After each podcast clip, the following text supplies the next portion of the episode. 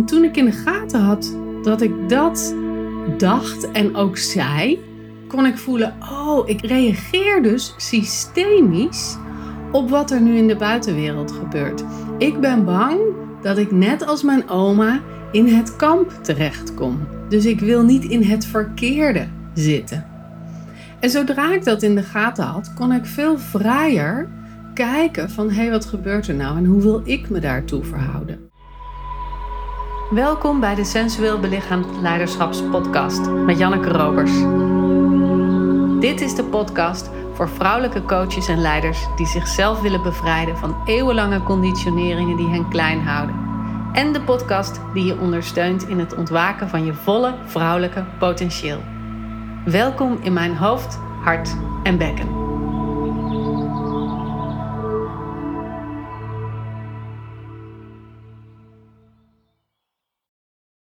Vandaag wil ik het met je hebben over woorden. En wat woorden kunnen doen voor je en vooral hoe je via woorden de kunst van je eigen vrouw zijn wat meer kan ontrafelen en kan ontdekken wat nou eigenlijk jouw patronen zijn en hoe je die kunt doorbreken. En natuurlijk ook, als je dat bij jezelf gaat zien, hoe je je klanten daarmee kunt helpen en hoe je hen kan spiegelen wat er gaande is in hun leven. En het werkt natuurlijk altijd en-en. Het is dubbelop. Dus dat wat je bij jezelf onderzoekt, kun je je klanten mee verder helpen. Maar ook wat je bij je klanten ziet gebeuren, is weer een spiegel voor jezelf. Want soms is het ook heel erg lastig om bij jezelf te ontdekken wat jij nou eigenlijk doet met woorden. Omdat we woorden zo gemakkelijk uitspreken en dan eigenlijk bijna weer vergeten zijn. Ze komen uit ons en ze verdwijnen weer. Terwijl woorden van een ander, die komen bij je binnen en daar kun je even op proeven of mee zijn. En daardoor kun je ze veel gemakkelijker ontrafelen dan die van jezelf. Vandaag wil ik een breed scala voor je scheppen van verschillende patronen die er gaande zijn in verhalen en in woorden. En ik hoop dat je daarmee handvaten krijgt om te onderzoeken hoe jij dat doet. En als eerste wil ik het hebben over de woorden altijd, nooit, iedereen, alles. Die dingen die zo ongenuanceerd zijn. En ik moet eerlijkheidshalve bekennen, ik gebruik ze veel. Daarom weet ik dit ook. Mijn man zegt heel vaak tegen me: Oh, let daar eens even op als ik stukjes tekst schrijf. Dan heb ik het vaak over iedereen. In mijn perceptie is dat wat voor mij normaal is, de standaard van iedereen. En dat is misschien ook wel een heel mooi voorbeeld over hoe die woorden zo weergeven wat er systemisch gaande is. En wat bedoel ik daarmee? Dat is de druk die uit jouw geschiedenis, van jouw familiesysteem komt en die je mee hebt genomen in je dagelijks leven. Je kunt ook wel zeggen, zo doen de Robersen het. Wij thuis, wij houden van hard werken. Dat is wat je doet. Je werkt hard en je groeit hard. Dat is het devies van de Robersen.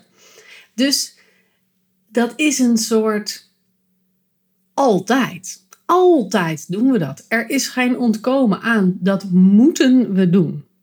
En je hoort het al, ik, ik zeg dit allemaal tussen aanhalingstekens, want natuurlijk is het niet een moeten, maar is het wel iets wat doorgeleefd wordt. En wat van grootouder op ouder op kind doorgegeven wordt, totdat iemand zich daar bewust van wordt, zoals ik, en dan gaat denken: hey, is dit eigenlijk eigen? Is dit wat hoort bij mij? Is dit wat ik wil? Is dit hoe ik me wil bewegen in deze wereld? En dan daar, nou, een vorm van vrijheid in gaan vinden. Niet door me er tegenaf te gaan zetten, want dit is weer het andere uiterste van die lijn waarin je gebonden bent aan iets maar meer door er een flexibele beweging in te kunnen gaan vinden. Dus let eens op in je taal, in je uitingen, in je schrijven. Waar gebruik jij woorden zoals altijd, nooit, iedereen en alles? En wat hebben die dan eigenlijk te zeggen? Wat betekent dit in de zin van jouw systeem van herkomst? Wat doe je altijd? Wat doet niemand? Wat doet iedereen? Het geeft eigenlijk weer hoe het hoort in jouw familie. En dus ook hoe het niet hoort. En hoe jij er buiten valt als je niet doet wat iedereen doet of wat niemand doet. Snap je? Die tegenstelling, die is heel belangrijk. Als je dat onderzoekt en als je kunt ontdekken waar jouw kaders van je familie lopen, dan kun je dus ook gaan onderzoeken waar jouw eigen kaders lopen. Hoe jij zou willen dat die ruimte is waarbinnen je kan bewegen. En dat heeft ook gelijk te maken met het woordje moeten versus willen. Moeten is dat stuk wat uit ons systeem komt, waarmee we zeggen: dit is hoe het hoort, dit is hoe de Robersen, de Jansen, de Van den Bergen, hoe die het altijd hebben gedaan. Dus hoe we het de komende jaren ook nog gaan doen, of hoe het hoort om erbij te horen, bij de familie te horen, of misschien wel bij je collega's te horen, of bij je vriendengroep, of bij je partner. Het, het moeten zit in de kaders van de groep. En het willen is veel meer een eigen beweging, een ik-beweging. Eentje die komt vanuit jouw eigen innerlijke vrouw zijn. Ik wil dit doen. Ik wil me hiertoe verhouden of ik wil niet hier aan meedoen. Dat is een veel meer een ik-gericht stuk. En dan bedoel ik dus niet een ego-gericht stuk mee, maar daar bedoel ik echt een individueel gericht stuk mee. Waardoor, waardoor je dus meer ruimte krijgt om te voelen wat hoort bij jou en wat hoort bij de ander. Want hoe bewuster jij bent van je eigen thematieken waarin je je gebonden voelt en dus ook hoe bewuster jij bent van je eigen keuzes die je kan maken, hoe vrijer je bent om te kiezen voor je eigen ruimte en te voelen: in dit stuk kan ik mij bewegen. In dit stuk heb ik meer ruimte te pakken. Of heb ik een andere richting op te gaan? Of ben ik heel oké met hoe het is? Dat kan natuurlijk ook. Hè? Het is niet altijd zo dat waar je aan gebonden bent, dat dat per se fout is. Er zijn hele goede dingen die ik mee heb gekregen uit mijn geschiedenis. Het hard werken heeft er ook voor gezorgd dat ik mijn eigen bedrijf heb opgericht. Heeft er ook voor gezorgd dat ik al 15 jaar eigen trainingen kan geven. Het heeft er ook voor gezorgd dat we ons eigen ecohuis hebben kunnen bouwen. Dat zijn allemaal hele positieve dingen aan een systeemdruk. Die systeemdruk is er dus ook niet voor niets. Het levert je iets op. Het is alleen lastig op het moment dat ik bijvoorbeeld dat huis heb gebouwd, dat bedrijf heb opgezet, heel veel klanten heb, allemaal programma's draai en ik het gevoel heb dat ik nog steeds hard moet werken. En dat ik dan niet de rust kan nemen en kan terugblikken en kan zien: ah, dit hebben we allemaal voor elkaar gekregen. En nu is het tijd voor bezinning of voor ruimte of voor wat meer ontspanning. En dat ook kunnen nemen dan. Dat is wel echt heel belangrijk. Dus ik hoop dat je hoort dat er, dat er twee kanten zitten aan zo'n systeemdruk. Dus het, het positieve, waarin het je verder brengt, waarin het je ondersteunt. Het is ook een bedding. Het zorgt er ook voor dat je je gedragen voelt in de dingen die je doet. Want je hoort er dan bij. Je krijgt applaus als het ware van je familie of van de groep. En aan de andere kant, als het erin doorslaat, dan houdt het je weer wat terug om je eigen koers te varen. Om te voelen wat gezond is en wat ongezond is, of waar de grens ligt. Nou, dat even over, over dit soort algemene termen. Wat ook heel interessant is, is gaan letten op specifieke woorden bij jouw klant. Wat zegt jouw klant nou heel vaak? Of wat zeg jij nou heel vaak? Om daar een voorbeeld van te noemen, denk eens aan oorlogstermen zoals strijden, vechten, erop of eronder, Welk kamp kom je terecht? Dat zijn termen die mensen vaak gebruiken met een oorlogsverleden. En nu hebben we in Nederland bijna allemaal oorlog in onze geschiedenis zitten, dus we gebruiken het heel vaak. Maar sommige mensen gebruiken het echt extreem. En persoonlijk kan ik bijvoorbeeld zeggen dat toen die hele corona-hetze opkwam, ik heel erg kon voelen, ik wil niet in het verkeerde kamp terechtkomen. Echt dat woordje, het verkeerde kamp. En toen ik in de gaten had dat ik dat dacht en ook zei, kon ik voelen, oh, ik reageer dus systemisch op wat er nu in de buitenwereld gebeurt. Ik ben bang dat ik net als mijn oma in het kamp terechtkom. Dus ik wil niet in het verkeerde zitten. En zodra ik dat in de gaten had, kon ik veel vrijer kijken van hé, hey, wat gebeurt er nou en hoe wil ik me daartoe verhouden? Zo heeft mijn man bijvoorbeeld de watersnoodramp in zijn geschiedenis zitten bij beide oma's. De ene van de geallieerden en de andere van de. Er is er nog één. Ik weet het niet. Zijn er twee in ieder geval. Misschien wel één natuurlijke en één onnatuurlijke, zoiets. Maar in ieder geval twee watersnoodrampen. En hij zegt vaak: Ik moet mijn hoofd boven water houden.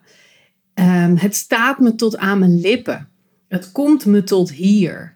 Dat zijn allemaal watersnoodramptermen, die dus laten zien dat als hij die gebruikt, dat hij in dat systemische stukje zit en dus eigenlijk geen vrije beweging meer heeft om te voelen waar het nou werkelijk over gaat. Dus bijvoorbeeld als je zegt, het staat me tot hier met werk, dus dat je verzuipt in je werk. Nou, als je dat gevoel hebt, dan is dat dus iets uit de geschiedenis wat zich herhaalt in het hier en nu. En je kan het pas ontrafelen als je ziet, oh ja, zo gebeurde dat vroeger en ik plak dat nu op het hier en nu. En hoe kan ik me weer in mijn lijf bevinden? Dus bijvoorbeeld dat je weer teruggaat naar al je zintuigen, naar je ademhaling, naar je voeten op de vloer. En dan gaat voelen, oh ja, ik ben in het hier en nu waar er geen watersnoodramp is, waar het water niet stijgt, maar waar ik wel veel werk heb. En hoe kan ik die twee dingen scheiden van elkaar en hoe kan ik me daar dan weer vrijer in bewegen? Nou, vrijer is ook zo'n ding dat typisch bij mij hoort. Mijn andere oma heeft in het Jappenkamp gezeten, dus die had geen vrijheid. En ik heb daardoor dus een heel breed arsenaal aan woorden ontwikkeld die over vrijheid gaan. Dus als ik me als het ware opgesloten voel, dan kan ik vaak zeggen: ik moet even alleen zijn. Je moet me even laten. Ik heb ruimte nodig. Ik wil even uit. Dus dat zijn andere vormen van zeggen: ik voel me ingesloten en verkrampt. Ik voel alsof ik in het kamp zit en ik heb die vrijheid nodig. En aan de andere kant heb ik veel woorden voor letterlijk vrijheid, zoals bewegen, ruimte, flexibiliteit, het omarmen van de brede zin van de kunst van je vrouw zijn. Dat gaat allemaal over ruimte innemen, over meer jezelf kunnen zijn, over volle expressie, je volle potentieel omarmen. Al die dingen die mijn oma dus niet kon in dat kamp. En iedere keer dat ik dat doe, eer ik als het ware mijn oma en haar gebrek aan vrijheid door die zelf wel te nemen. En dat is mooi en dat voelt warm en verbonden. En het is ook een pijnlijk stuk. Want ik moet, tussen aanhalingstekens, dus die vrijheid vieren. Er zit dus echt een drang in mij om steeds maar weer die ruimte op te zoeken, omdat dat ooit niet kon. Dus daarin voel ik me soms ook weer vastzitten, omdat ik aan de andere kant van die ja, bijna dualiteit zit, hè? tussen opgesloten en vrijheid. Dus dat zijn woorden waar je op kunt letten bij jezelf of bij je klant. Wat is nou wat steeds weer terugkomt? Ik geef je nog een paar voorbeelden die niet persoonlijk zijn, omdat voorbeelden soms zo helpen om even te resoneren met hoe het bij jezelf zit of even te kijken van wat komt er nou vaak bij mij naar voren. Bijvoorbeeld mensen die heel filosofisch praten over de dingen of heel onverbonden praten, die hebben de neiging om te vertrekken uit hun lijf. En daar is dus iets dat vaak met de dood te maken heeft en hen trekt naar iets buiten deze wereld. Daar waar je naartoe gaat als je overleden bent. En dat betekent dus als zij met hun woorden ook zo filosofisch, zo ijl, zo licht en onaards zijn, dat ze dus die beweging al maken naar diegenen die overleden zijn en daar dus de verbinding kunnen vinden. De andere kant bijvoorbeeld, mensen die heel feitelijk praten, heel wetenschappelijk praten. Daar zit iets in de geschiedenis rondom het ervaringsgerichte, het voelen, het echt diep verbonden zijn met het lijf. En misschien is daar dus wel iets gebeurd dat het voelen heeft uitgeschakeld. Het was te veel om te voelen, of te groot, of te diep, of te intens. En ik zeg misschien, hè, want iedere keer is het belangrijk om te onderzoeken: is er iets gebeurd?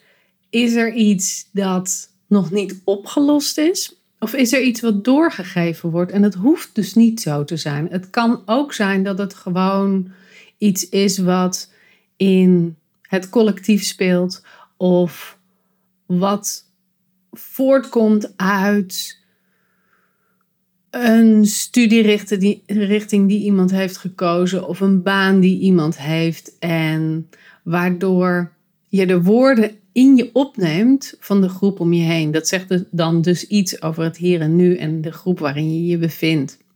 Maar het is wel altijd interessant om te onderzoeken. hey, je zegt dit vaak. Heeft dat ergens mee te maken? Of je komt vaak met oorlogstermen. Heb je dat zelf in de gaten? Of je hebt het vaak over de dood. Heeft dat iets te maken met iets in de geschiedenis? Echt een onderzoeksvraag, een open onderzoeksvraag. En bij jezelf kan je het onderzoeken door te kijken naar wat je schrijft, wat je uitingen zijn. En misschien ook wel als je een partner hebt, om je partner eens te vragen: hey, let eens op, wat zijn nou de woorden of de patronen in zinnen die ik vaak gebruik? En wil je me die eens spiegelen? Wil je me die eens teruggeven? Hoe praat ik bijvoorbeeld over werk of over relaties of over geld? Dat zijn van die hele cruciale thematieken waar we vaak dit soort woorden op plakken. En dus waarin we vaak ook kunnen terugzien hoe we in het leven staan. Daarom vind ik het ook magisch interessant om met mensen te hebben over deze onderwerpen.